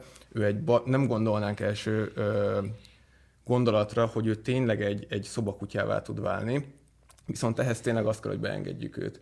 És nagyon fog kapcsolódni az emberekhez, amivel utána ugye már vannak különböző uh, technikák vagy módszerek, amikkel ugye kell ezt a túlkötődést is ugye kezelni, de hogy, hogy nekik igényük van, tehát őket nem, nem, nem jó kirakni a, a, a kertbe. Alapvetően minden, minden kutya szobakutya. Az más kérdés, hogy nekem van-e igényem arra, hogy ő szobakutya legyen. A bordernél pedig ez, ez halmozott problémát jelent, hogyha a kutya a, a saját szórakozás mennyiségét, szociális inger, inger a kertben akarja kielégíteni, és akkor elérkeztünk a kényszerviselkedésekhez. A kényszerviselkedés, ami, ami mi miatt alakul ki, ami hogy néz ki. A kényszeres viselkedések alatt az, azt szoktuk érteni, amikor a, a kutya elkezd egy, egy önmegerősítésként, egy önnyugtatásként, egy feszültséglevezetésként saját magának kitalálni olyan viselkedéseket, amiben ő idézőjelesen bele tud nyugodni, persze nem tud, inkább ki tudja vonni magát a, a, a környezeti ingerekből, és a ezek az erősödek, így van, magát. és ezek az, a viselkedések, mivel önmegerősítőek, egyre inkább felerősödnek. Tehát, hogyha mondjuk a kutyám, kimegyek én a, vagy otthon vagyok, és a kutya elkezdi a fényt kergetni, mert nincs levezetve mondjuk az energiája, mert csak elviszem sétálni, akkor lehet, hogy én azt gondolom, hogy ez vicces, és akkor még van olyan, aki rá is erősít ezzel lézerlámpával, meg, meg hasonlóakkal, viszont mivel a kutya abba energiát tudod kicsatornázni, következőleg még erősebben fogja csinálni, következőleg még erősebben, és utána azt fogom már látni, hogy már az utcán is keresi az árnyékokat, és gyakorlatilag a kutya teljesen ki tudja vonni magát a, az ingerekből, meg, meg úgy a világból is belemenekül a saját kis világába. És az lehet, hogy az árnyékkergetés, a fénykergetés, a német juhászoknál azt említette, tipikusan ugye a farokkergetés szokott lenni, ugye nincsen levezetve az energiája. Ö, szokták azt, hogy mindenféle kis, ö, akár milyen pici faleveleket felvesznek, és akkor azt gyűjtögetik össze a kutyák. Ö, és ezek a viselkedések, ezek, ezek nagyon komolyan meg tudják nehezíteni az életünket, és ez egy nagyon-nagyon rossz a, a kutyának, mert gyakorlatilag az idegrendszere nem pihen. Tehát azt az időt, amikor neki pihennie kéne, azt ő azzal tölti ki, hogy folyamatosan pörgeti magát, és talán a, a legfontosabb, hogy a, ezt a kényszerviselkedést én el tudom kerülni, az egyik az, hogy tudatos energialevezetés a kutyánál, és tudatos pihentetés. És a mai világban majdnem, hogy minden kutyánál a tudatos pihentetés az valahol csúszik. Mert a gazda azt gondolja, hogy azáltal, hogy én viszem, vihetem mindenhova, mert vihetem a munkahelyre, a plázába, ami egy jó dolog, mert a szocializációt segíti, de viszi is mindenhova. Elviszi napközibe, aztán elviszi őrzővédő foglalkozásra, elviszi mentrélingre, minden nap van a kutyának valami pro, programja, meg még hétvégén elmegyünk kirándulni, és arra meg nem fordítunk figyelmet, hogy legyen olyan, amikor a kutya offline állapotban van. Amikor azt mondom neki, hogy most csak az a dolgot, hogy pihenjél. És azáltal, hogy nem tudja az idegrendszerét kipihentetni, megint csak jönnek ugye a frusztrációk, a feszültségek, a betegségek és a többi. Tehát, hogy, hogy arra nagyon-nagyon oda kell figyelni, hogy ezt a tudatos be, pihentetést beépítsük a kutya mindennapjaiba. Tulajdonképpen itt a bordereknél szerintem ez az egyik, hanem a legfontosabb dolog, amire figyelni kell, Ugye azt így általánosságban el lehet mondani, hogy a kis kölyök kutyáknál, pár hetes, pár hónapos kutyáknál azt mondják, hogy 16-18 óra pihenés, alvásra van szükségük, hogy megfelelően fejlődjön az idegrendszerük. Na hát ez a bordereknél és szalinál is ez a 16-18 óra inkább játékba ment volna át, mint sem a pihenésbe. Úgyhogy nekünk rengeteg munkánk volt abba, kiskorába, hogy tudatosan tanítsuk őt arra, hogy pihenni kell napi rutinnal, szobakenellel, stb. stb. És az, hogy ő most például itt mellettem alszik, ebben több hónap munka van, hogy ezt el tudtuk érni. És, és én mehetek vele űrt vizsgára, csináltok vele baromi jó trükköket, de az egyik, ha nem a leghasznosabb, és a, az engem legnagyobb sikerrel eltöltő élményem az, hogy, hogy ha szükség van rá, akkor le tudom nyugtatni, és akkor el tud itt pihenni mellettem. Ha egy kutyának az oktatását, képzését elindítom, az egyes számú, az egyes számú kötelességem, vagy, vagy alapvetésem az kell legyen, hogy a kutya pihenését megalapozzam. És ilyen még a kutyának a gátolhatósága, és ilyen a kapcsolat, a kötődés kiépítése. Ez a három alap, amire épül tulajdonképpen az ember és a kutya kapcsolata. Mind a hárommal nagy bajban vagyunk ma. Tehát olyan, mint hogyha így, a, mint hogyha így ilyen, ilyen ellenerők támadnák azt, hogy, hogy a, a, a, a pihentetést azzal, hogy foglalkoztasd, a gátlást azzal, hogy nem kell gátlás, meg akit szeretsz, azt nem gátolod. Jézus Mária. Ö, ö, és a, a kötődést pedig, a kötődést pedig kezdik lassan lehúzni a vécén, mert hogy, mert hogy a kötődés az, az na, egy nagyon nem megértett dolog a kutya és az ember relációjában. De ma nem erről szeretnék beszélni, hanem, de majd fogunk, a gátlásra és a kötődésre is, hanem arról, amit most a Niki elindított a pihenést. És ez a border collie kapcsán merül most fel, de minden kutyánál természetesen egy nagyon fontos alapvetés. Ahhoz, hogy egy kutya energiaháztartása rendben legyen, ahhoz szükség van akcióállapotra, és szükség van készenléti állapotra, és szükség van újra töltődésre, pihenésre. Ha jól végzem a dolgomat gazdaként, akkor van nálam egy kapcsológomb, és ezeket az állapotokat én tudom menedzselni. Nem a kutya kapcsol be spontán kulcsingerekre, hanem én teszek kapcsológombot, és vagy kulcsingereket az egyes állapotok előhívására. Két okból. Az egyik a társadalmi szükséglete ennek, abban az értelemben, hogy úgy tudok a környezetemben harmóniában élni, hogyha ezzel a kapcsológomban rendelkezem. Ha nem rendelkezem ezzel a kapcsológommal, akkor nagyon nehéz harmonikusan együtt élni a környezettel, magyarázkodnom kell folyamatosan, és a többi, és a többi. A másik pedig a kutya egészsége, mentálhigiéniája. Ez azt jelenti, hogy hatékonyan tudjam a kutya energiaháztartását kezelni. Egy ilyen kutyának, mint a Border Collie, nagyon nagy munkaigénye van. Ez azt jelenti, hogy akkor nagy dózisban adja ki magából azt a, azt a, azt a többletenergiát, amit, hogyha nem adnak ki, akkor az belül kering, és egy, egy ilyen romlasztó, bomlasztó, tulajdonképpen az immunrendszert felőlő ö, ö, negatív hatást vált ki. De ha ki tudom adni, akkor egy egészséges energiakeringést indítok el a kutyánál, amely, energia, amely ener, egészséges energiakeringésnek köszönhetően a kutyának nem csak a fizikai állapota, hanem a fizikai állapotot ö, tulajdonképpen a háttérből segítő és működtető szellemi ö, ö, rész is nagyon, nagyon jól összhangban van. Ezért kell, ezért kell egy energiakeringést a kutyának biztosítanom. Fizikai és szellemi állapota érdekében. Ha ezt nem tudom megtenni, akkor a kutya betegségét okozom, a kutya korai öregedését okozom, és a kutya általános stressz állapotát okozom.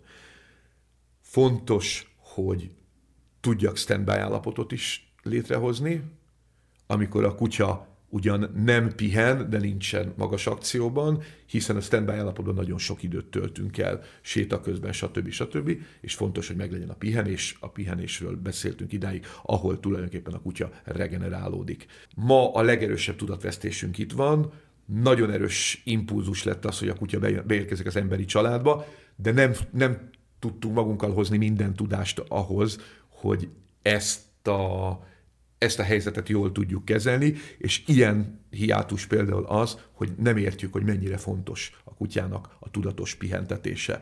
Nem a spontán, hanem a tudatos pihentetése, hogy, hogy akár egy magas stressz környezetben is én el tudjam nyugtatni a kutyámat.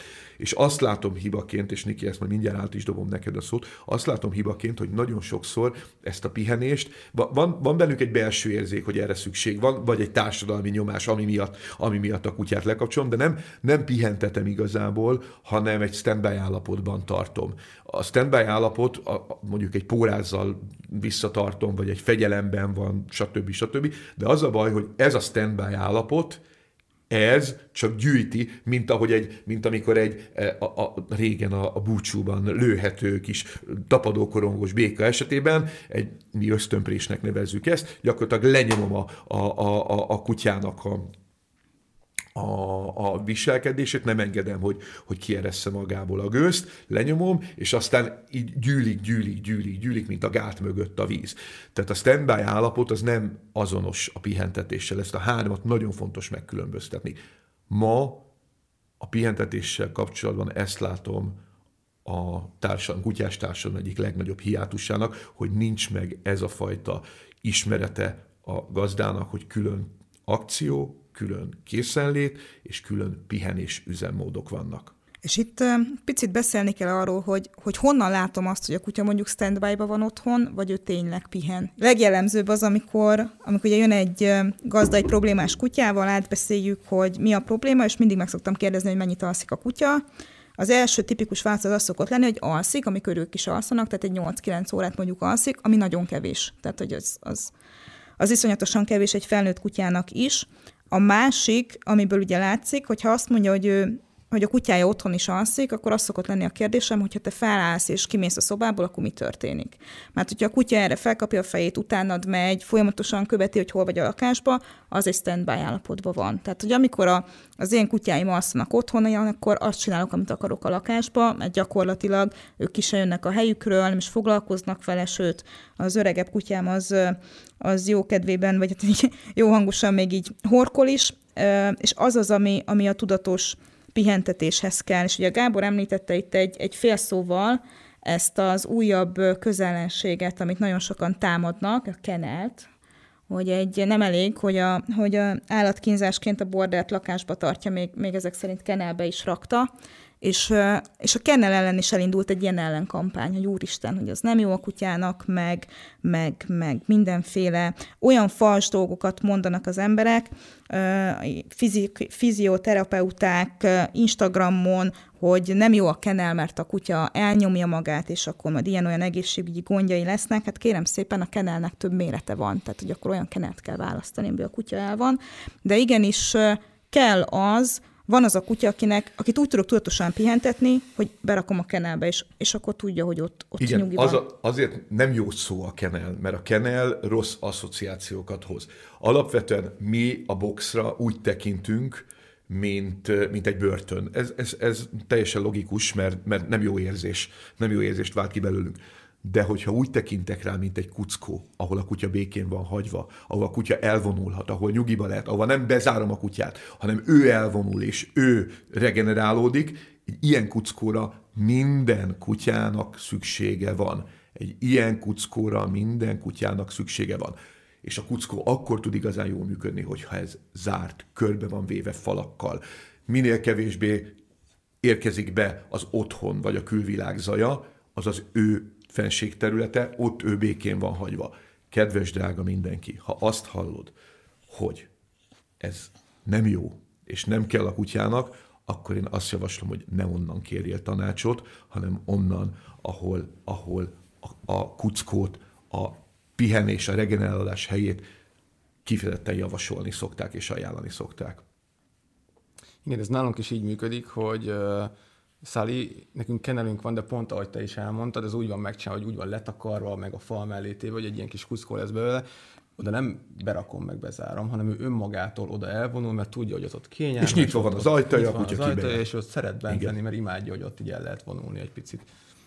Hogy ennek a kenelnek, vagy boxnak, vagy kuckónak ugye megvan az a, az a haszna is, hogy ezt el tudom magammal vinni és az, amikor én elmegyek nyaralni, elutazom valahova a kutyával, és bekerül egy teljesen új inger környezetbe, és elviszem ezt a kuckót, akkor a kutyának abban az inger környezetben van egy stabil pontja, amit ismer.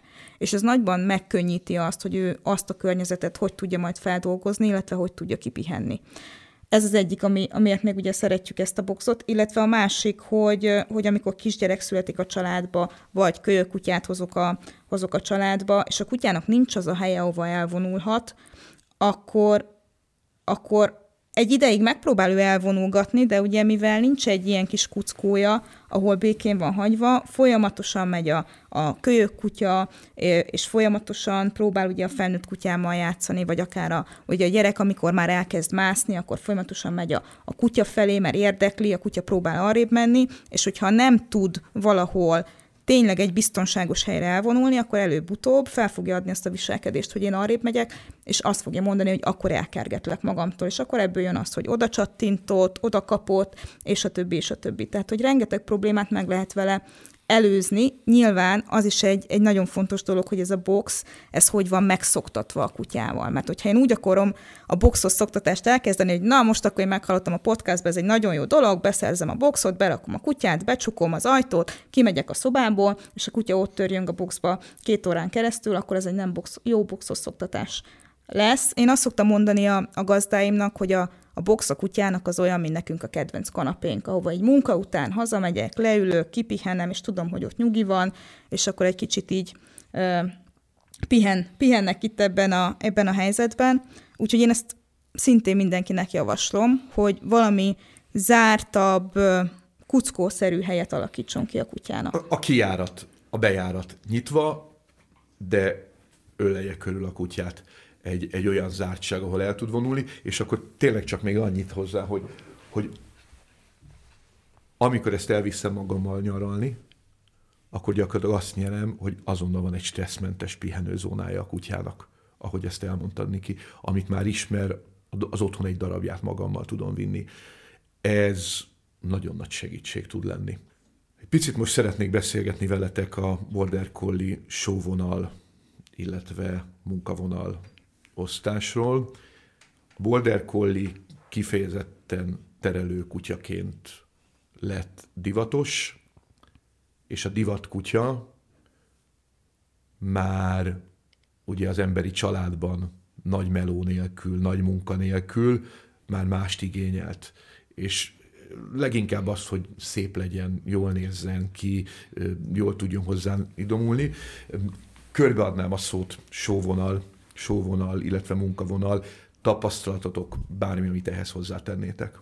De most így a saját kutyám által egy picit belekerültem a kiállítások világába, és azért azt lehet látni, hogy, a, hogy vannak nyilván azok a tenyésztők is, akik a kutyának a, a jellemét is szeretnék továbbvinni, és az is egy fontos szempont, de azért alapvetően, amikor mondjuk egy sóra elviszek egy kutyát, akkor ugye a kiállításokon annyit néznek meg, hogy ez a kutya a standardhez mennyire hasonlít, hogy áll a füle, milyennek a szögellései, milyen a szörminősége, és van egy minimális elvárás, hogy mondjuk a ringben ne harapja meg a bírót, és nem meneküljön el tőle. Mert hogyha ezeket nem csinálja meg, akkor alapvetően ő már megkaphatja a címeket, és nyilván az egészségügyi szűrések azok csatlakoznak hozzá, tehát hogy az a sóvonalon is megvan az, hogy csak azt a kutyát tenyésztem, akinek megvan a csípőizület szűrése, a könyök szűrése és a genetikai betegségei, de alapvetően itt a, azt nézik, hogy a kutya mennyire, mennyire szép, és, és azzal a kutyával tudok mondjuk egy ringben jól dolgozni, aki mondjuk lehet, hogy nem annyira ösztönerős. Tehát, hogy, hogy alapvetően a sóvonalnál azok a, azok a jellemzői a fajtának, ami, ami a munkakedve a kutyának, hogy mennyire ösztönerős, hogy ő mennyire akar dolgozni, mennyire munkamánia, egy kicsit munkamániások egy picit háttérbe szorulnak, de mielőtt itt valaki fényt kapna, egy felcsillanna a szeme, hogy akkor tök jó, hát akkor nem veszek magamnak sóvonalas bordát, mert az már nem jó, hanem munkavonalasat. Én azt gondolom, hogy családi kutyának inkább a sóvonalból kell kutyát választani, mert ez nem azt jelenti, hogy teljesen kihaltak a kutyából ezek az ösztönök, hanem azt mondom, hogy egy ilyen egészséges, családi kutyaként kezelhető módon vannak benne, akkor, ha én tudom tudatosan kezelni a kutyát. És aztán van a munkavonal, ahol kevéssé számít az, hogy a kutya kutyának hogy áll a füle, meg, meg milyen, milyen színű, meg tehát egészséges legyen, és legyen nagy a munkabírása, és akarjon dolgozni, és tipikusan ugye azok választanak ilyen munkavonalas kutyát, akiknek nagyon komoly sport céljai vannak. Tehát, hogyha én hobbi szinten egritizni akarok a kutyával, akkor egy sóvonalas border, egy jó tenyésztőtől tökéletes választás. Ha agility világbajnok akarok lenni, és már azon a szinten vagyok, hogy egyébként profi agilitizek, akkor lehet választani a munkavonalból bordert. Nyilván meg, ott is megvan, gondolom az, hogy, hogy kik az ősök, és akkor aki ebbe benne van, az látja, hogy ú, akkor én ettől az apától meg így úgy szeretnék kölyköket, de, de én munkavonalas bordert családi kutyának például abszolút nem ajánlanék. Tehát én azt gondolom, hogy az tényleg egy, egy öngól. Szali is, ugye ez a sóvonalas border, és, és én abszolút egyet tudok érteni Nikivel abban, hogy, hogy a, a sóvonal is munkakutya egy bizonyos szempontból. Tehát hát ugyanazt, amiket átbeszéltünk ugye a podcasten, hogy mennyi energiát kell beletenni a mentális meg a fizikai lefárasztásba és foglalkozásba, hogy ne unja meg magát a kutya, ez hatványozottan igaz a, a munkavonalasnál. Tehát abszolút egyet tudok azzal érteni, hogy aki szeretne border collie és megvan neki az az úgynevezett amatőr igénye, hogy dolgozzon a kutyával, az ne essen bele abba a hibába, hogy akkor munkavonalas kell tényleg a profi szinthez való a munkavonalas border, e, a családi kutyázáshoz és ahhoz, amit te el szeretnél vele érni, alapvetően ahhoz, ahhoz a sóvonal az, ami a, a leg, legoptimálisabb. Munkavonalas német juhászt tenyésztettem, nem professzionális szinten, de, de, de azért több almot és rengeteg energiát beletettem ebbe, és így merészelem kijelenteni azt, amit most kijelentek Bizonyos értelemben, amikor munkára tenyésztek kutyát, akkor egy defektust hozok létre, egy viselkedés torzulást hozok létre. Onnan, ahonnan én nézem, onnan ez nem viselkedés torzulás, mert a kutya nagyobbat fog, gyorsabban reagál, jobban bírja a fizikai terhelést, és a többi, és a többi, de ezek eltúlzott tulajdonságok, olyan értelemben eltúlzott tulajdonságok, amelyek a hétköznapi életben nagyon nehezen kezelhetőek. És hogyha nem tudom levezetni a kutyának a, a, a, az energia szükségletét, munkaigényét, akkor nagyon sűrűn viselkedészavarokhoz, akár agresszió viselkedést vezetnek. Ezért nem érdemes nyilván a munkavonalat választani családi kutyaként.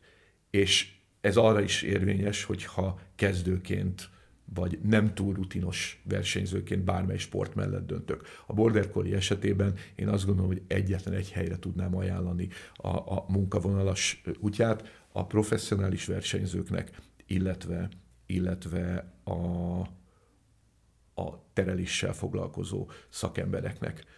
De még ott is csak óvatosan. Tehát a, a, a, a, terelés esetében is olyanoknak, akik, akik mondjuk ezt jellemzően professzionális módon akarják végezni. Viszont azért azt is hozzá kell tenni, hogy a sóvonal az nem azt jelenti, hogy be vagyok biztosítva mindenféle viselkedés problémák ellen. A sóvonalnál is előfordulhatnak gondok, csak a dózis más könnyebben kezelhető. A Border Collie a sóvonal esetében is, hiszen idáig mi jellemzően nem a munkavonalas Border Collie-ról beszélgettünk, hanem a sóvonalas Border Collie, és ahogy Gábor elmondta, a sóvonalas Border Collie is munkakutya ilyen értelemben. Tehát ezért ne, ne gondoljuk azt, hogy a sóvonalas Border Collie az már magától működik, ott már minden rendben van, nem erről nincsen szó. Én, én igazából ezt akartam ezzel kapcsolatban elmondani, és azt, hogy azért ne felejtsük el, hogy ez a kutya, amikor akcióban van, akkor egy birkanyájat elképesztő sebességgel, elképesztő dinamikával, és a, akár a, a gazdára hihetetlen gyors reakcióidővel fog tudni menedzselni, irányítani. Fizikai és szellemi jelenlétet kér a kutyától. Egy dologgal még mindenképpen foglalkoznék a Border Collie kapcsán, amelyet igazából már érintettünk, de nem néven neveztük, ez a túlkötődés. A túlkötődés az azt jelenti, hogy a, a kutya, a gazda szűk szociális terében érzi jól magát, és nem alakul ki egy, egy egészséges territoriális kötődés. Ugye a territoriális kötődés nagyon furcsa lesz, amit mondok, de így van. A territoriális kötődés tulajdonképpen azt jelenti, hogy a gazda ki van telítve, és ez a gazda kiterítés azt a nevet kapja, hogy lakás vagy kert. Tehát tulajdonképpen a, az a teritorium, ahonnan a csapat elmegy, és mindig visszatér. Az mindig, az mindig ott van, az egy fix, az egy állandó, és fontos, hogy legyen egy kutyának szociális és teritoriális kötődése. Mindkét kötődéssel dolgunk van. Ha teritoriális kötődést nem alakítjuk ki, akkor, akkor a kutya, mikor elmegy otthonról a család, nincs mellette valamilyen szociális ö, ö, társ, egy, egy családtag, akkor a kutya akár nagyon intenzív stresszbe kerül, előveszi a pótcselekvéseit, pánikviselkedéseket, vagy, vagy éppen az energialevezetésből kezd el intenzíven ö, rombolni. Ha nem figyelünk arra oda, hogy kölyökkortól otthon hagyjuk a kiskutyát, és tanulja meg ezt, hogy a gazda mindig visszatér otthon, nem tanítjuk meg arra, hogy otthon tudjon pihenni, jól pihenni, hanem nagyon sokat foglalkozunk vele, nagyon sokat visszük, mindenhol velünk van, akkor ebb látszólag jót akarok, és látszólag jól csinálom a dolgomat, de ebből kialakulhat egy nem egészséges túlkötődés, az a teritoriális kötődés hiánya, és ez jellemzően a kutya konfliktus megoldó képességének a, a, a, a durva gyengülését is jelenti. Én ezt egy nagyon komoly korjelenségnek látom, és a Border Collie-nál ez kifejezetten erősen jelentkezik. Nagyon fontos volt, amit elmondtál, hogy a kutyát már kölyökkora kölyökkorától kezdve kezdjük el otthon hagyni. Tehát a leg, legnagyobb hiba, amit el szoktak követni az emberek, az az, hogy felváltva kivesznek két-három hét szabadságot, és mindig van valaki otthon a kutyával, mert egyszer úgy is egyedül kell hagyni. És hogyha én ezt elkezdem az első napokban, akkor az nagyon sokat tud nekem segíteni. És a szeparációnak van olyan megnyilvánulása is, amikor a kutya nagyon komoly stresszviselkedést mutat otthon. Akár odáig fajul ez a viselkedés, hogy a kutya önveszélyes lesz, véresre kaparja a falat. Van volt olyan kutya, aki, aki kiugrott a zárt ablakon, tehát hogy tényleg egy pánikszerű viselkedést mutat a kutya. De van egy olyan megnyilvánulása is, ami ami nem ennyire látványos, de valamilyen szinten az is egy szeparálás, amikor a kutya befekszik az ajtóba, és 8 órán keresztül nézi az ajtót, és várja, hogy én hazajöjjek. És hogy a kutyám nem hangos, nem panaszkodnak a szomszédok, nem fog semmit rombolni, viszont nem fog pihenni, hanem folyamatosan, ugye már az előbb említett standby állapoton van, és ezzel is dolgozni kell. Ezzel elég, ahogy mondtad is, nagyon-nagyon sok most a szeparációs probléma. Tehát gyakorlatilag szerintem öt telefonhívásból egy-kettő biztos, tehát egy ilyen 20-40 százalék az biztos, hogy arról szól, hogy a kutyát nem tudom egyedül hagyni, nem tudom otthon hagyni, és még ugye a mostani időszakban az is probléma volt, hogy volt egy Covid időszak, amikor mindenki otthon volt a kutyájával, és aztán egy-két év után megpróbálok elmenni, visszamenni dolgozni, és gyakorlatilag abba a helyzetbe kerülök, hogy, hogy a kutyám üvölt utánam, csönk a, a telefonom, a szomszéd panaszkodik, hazamegyek, a, a kutya lekaparta az összes körmét, szétszette a lakást, bepiszkít, és, és teljesen stresszben van.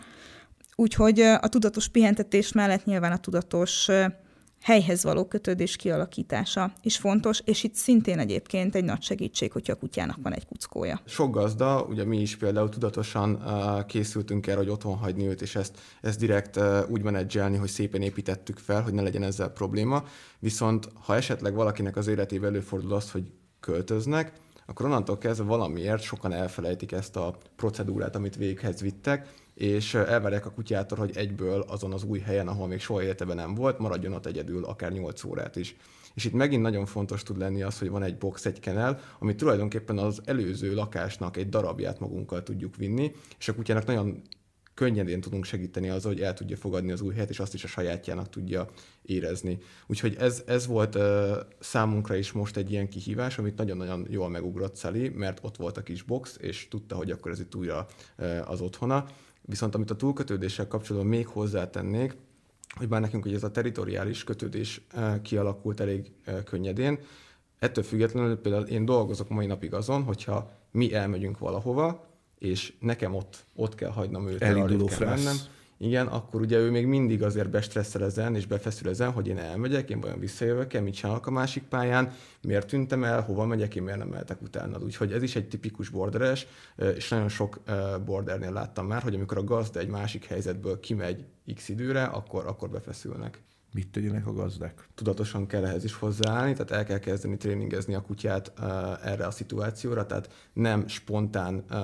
belemenni ezekbe, hanem akkor most egy olyan szituációt fogok létrehozni, ahol ezt fogjuk gyakorolni.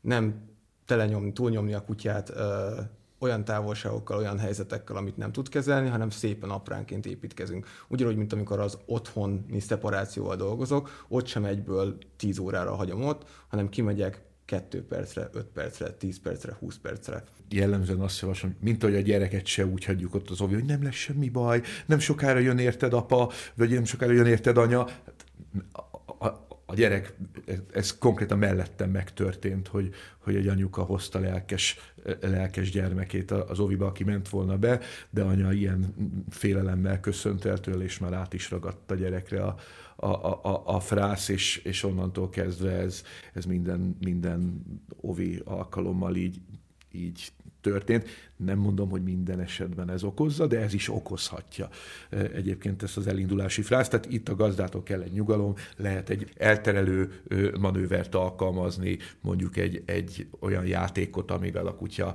a, a kutyának el kell molyolnia. Tehát konkrét, itt, konkrétan az otthonról, el, otthonról elindulás pillanatát lehet valamilyen módon egy picit tehermentesíteni, ingermentesíteni. Egyrészt az én nyugodt viselkedésem, másrészt azzal, hogy a kutyát, a kutyát ö, lekötöm. Nagyon sok mindenről beszéltünk, szerintem még egy fontos dolgot mindenképpen kell, hogy érintsünk. Mi történik akkor, hogyha nem vezetem le a kutya energiáját, és akkor a szokott körben, Niki, adnám neked a, a, a bevezetőt. Nagyon egyszerű le a válaszom, hogyha mi nem vezetjük le a kutya energiáját, akkor ő megtalálja a módját, hogy levezesse magának. Azt, hogy ezt hogyan fogja megtenni, azért ebben elég nagy kreativitásuk van. Tehát vannak a vannak, akik kertésznek lépnek elő, és akkor a kert fogja bánni, mert kigyomlál mindent, és felássa a kertet.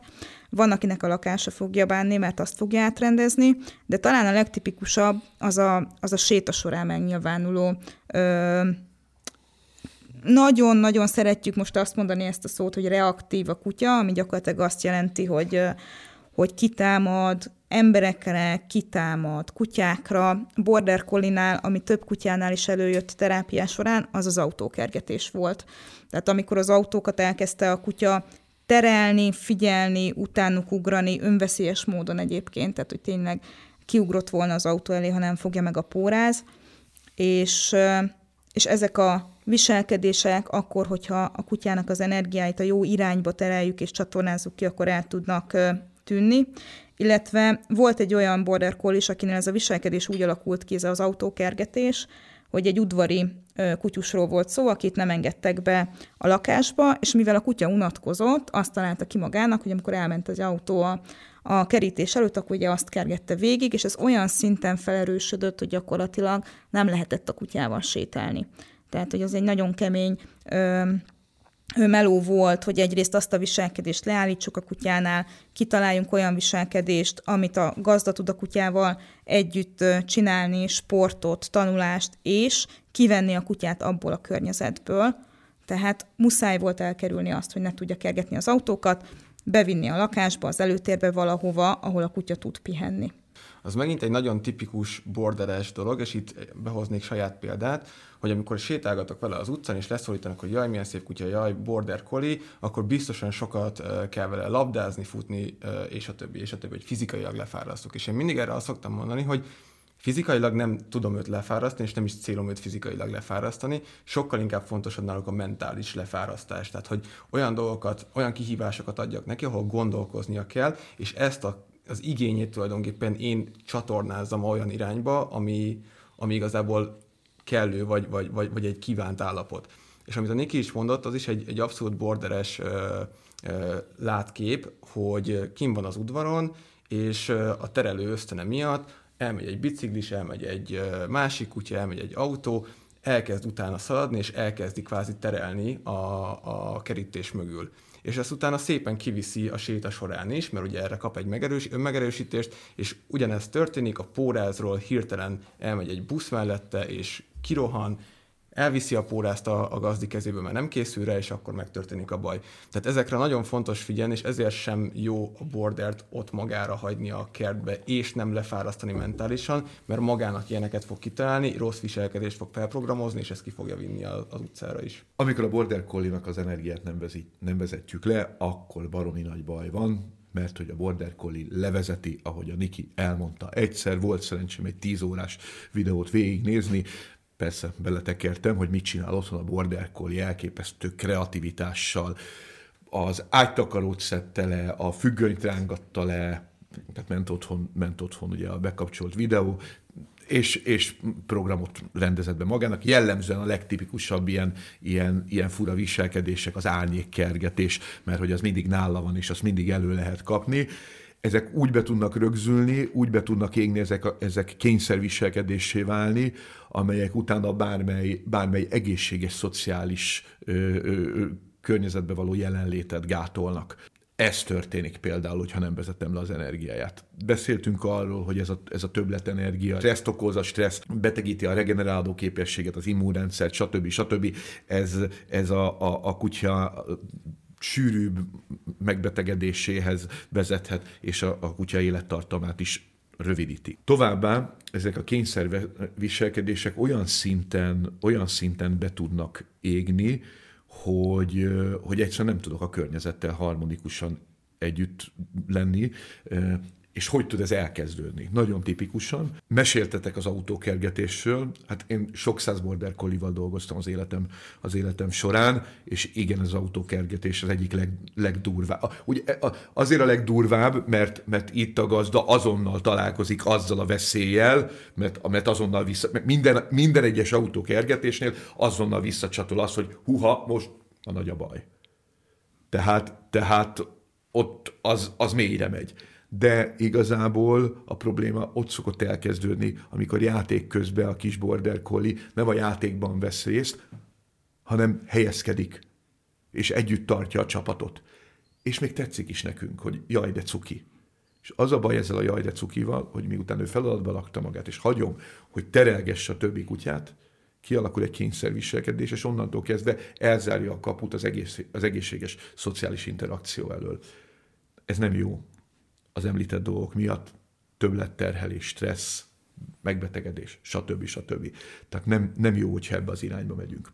Szerintem a fajta elleni egyik legnagyobb merénylet az, amikor azt gondolom, hogy egyszeri gazdaként, kutyatartóként azt gondolom, hogy szeretnék egy kedves, egy, egy, egy barátságos családi kutyát, a Border Collie látom, hiszen, hiszen a parkban, a városban, stb. látom, hogy ő micsoda, micsoda egy kedves kutya, hazaviszem, és jót akarok, amikor nem vagyok otthon, akkor kirakom a kert, majd ott levezeti az energiát. Nem, a Border Collie nem vezet le semmilyen energiát a kertben, hanem inkább csak frusztrálódik, hogy nem jut semmilyen szociális élményhez. A Border collie nem arra van szüksége, hogy postás kergessen. Nem arra van szüksége, hogy az autókat ugassa.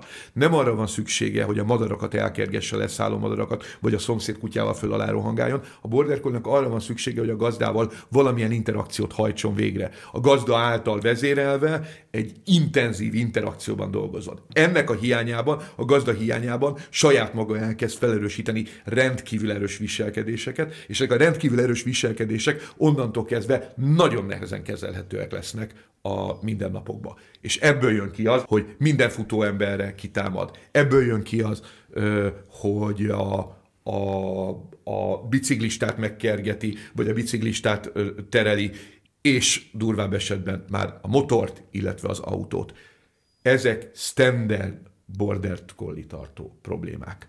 Ha az elején résen vagyok, és nem megyek bele, nem hagyom a kutyának, ha nem teszem ki a kutyát a kertbe, hogy felprogramozza ezeket a viselkedéseket, és ki tudok alakítani egy megfelelő kontrollt, akkor, akkor ezeket nagyon jól lehet kezelni. Viszont az a baj, és ezért nehéz, az elején beszéltünk a kutyának a, az okosságáról, és a többi, hogy a Border Collie egy kényszerviselkedést körülbelül tízszer gyorsabban be tud rögzíteni, mint bármely más kutya. És ez egy nagyon nagy szívás. Ha egyszer lemaradok róla, már akkor is veszélyben vagyok, de ha háromszor, négyszer lemaradok róla, hogy legátoljak, letiltsak egy nem kívánatos viselkedést, vagy, el, vagy, vagy kihívjam onnan a kutyát. Most a gátlásra nem arra kell gondolni, hogy, hogy, hogy leteremtem érte, hanem ki elhívom a, elhívom a kutyát, elvezettem a figyelmét, nem engedem, hogy, nem engedem, hogy bele, ö, ö, belelovalja magát. Ha három-négy alkalommal ezt elfelejtem, akkor már fel is programozódhat egy kényszerviselkedés. Onnantól kezdve már terápiás folyamatként kell rá tekinteni hogy a lefárasztást is nagyon sokszor félreértik az emberek, mert azt gondolják, hogy a, hogy a labdázás meg a futás az elég lesz, és, és hogy a kutyának a szellemi energiáit, illetve az ösztönenergiáit is le kell vezetnem. Tehát találni egy olyan életmód sportot a kutyának, amiben ő ki tud teljesedni, azt egy feladatként tudja felfogni, és azért hál' Istennek most már egyre több helyen lehet hobbi szinten is terelni. Tehát én azt gondolom, hogy ha valakinek van egy border collie és ő el tud menni, és ki tudja próbálni a terelést, és meg tudja adni a kutyának azt a lehetőséget, hogy ő kiélje azokat az ösztönöket, ami benne van, akkor utána sokkal könnyebben, illetve jogosabban tudom leállítani a fals viselkedésekről, hogy az autót, azt mondom neki, hogy figyelj, az autót nem terelheted, a futiban játszó kutyákat nem terelheted, de elviszlek, és itt vannak a birkák, és azokat viszont lehet terelni. Nyilván egy terelést is nem úgy kell elképzelni, hogy elengedem a kutyámat, és akkor ő azt csinál, amit akar, hanem ott azért megvannak nagyon komolyan azok a, a, az ösztön kontrollok, hogy mikor, merre mehet a kutya, nem, nem azt csinálhatja, amit ő maga gondol, hogyha én azt szeretném, hogy jobbról menjen, akkor jobbról kell menni, van olyan, amikor nem mehet, mert éppen legel nem a birka. Meg a birkát, van, nem haraphatja nem meg a, a birkát, úgyhogy, úgyhogy én azt gondolom, hogyha valakinek van erre lehetősége, akkor tényleg próbálja ki, és ne csak próbálja ki, rögtön itt még tovább is mennék, mert a kipróbálással az a baj, hogyha megnyitok egyszer egy olyan zsákot, hogy te egyébként kergethetsz, terelhetsz, és megtapasztalhatod, belenyal, belenyalhatsz a tortába, de aztán utána elveszem előled, és azt mondom, hogy soha többet nem csinálhatod. Mindenhol tortát fog keresni. Így van, akkor mindenhol tortát fog keresni, tehát akkor nem menjünk el terelni, ha csak egyszer tudunk, viszont hogyha erre tudunk időt, energiát rászánni, akkor, akkor szerintem az a legjobb sport, amit választhatunk. És nyilván, hogyha ez nem, akkor egy, egy agility, egy mentrailing, egy, egy obedience sport is teljesen jól tud működni, de hobbi szinten valamit kell csinálnom a kutyával, a labdázáson, futáson és egyében túl, ami tényleg az ösztönenergiáit is levezeti a kutyának. Drága Niki, drága Gábor, kedves Szali, nagyon jó, hogy el tudtatok ma jönni, mert én azt gondolom, hogy nagyon fontos beszélgetés volt. Ez, remélem, hogy minél több emberhez el fog jutni. Olyan alapvetéseket sikerült itt megvilágítanotok, olyan dolgokról beszélgettünk, amelyel egy egy gyakorló kutyatartó, vagy egy kutyát kereső, leendő kutyatartó egészen más minőségben tudja az életét élni. Fontos beszélgetés volt a Border collie a mai, de egészen biztos vagyok benne, hogy nem az utolsó. Ez is egy olyan beszélgetés, ahol először most oktatói szemmel néztünk rá a Border collie de tervünk az, hogy folytatjuk, és majd gazdákkal is rátekintünk a Border collie Nagyon szépen köszönöm, hogy eljöttetek, és minden nézőnek köszönöm a figyelmet, minden hallgatónak. Köszönöm, hogy, hogy meghallgattatok minket, és hamarosan jelentkezünk. Köszönöm. Köszönjük, sziasztok! Sziasztok!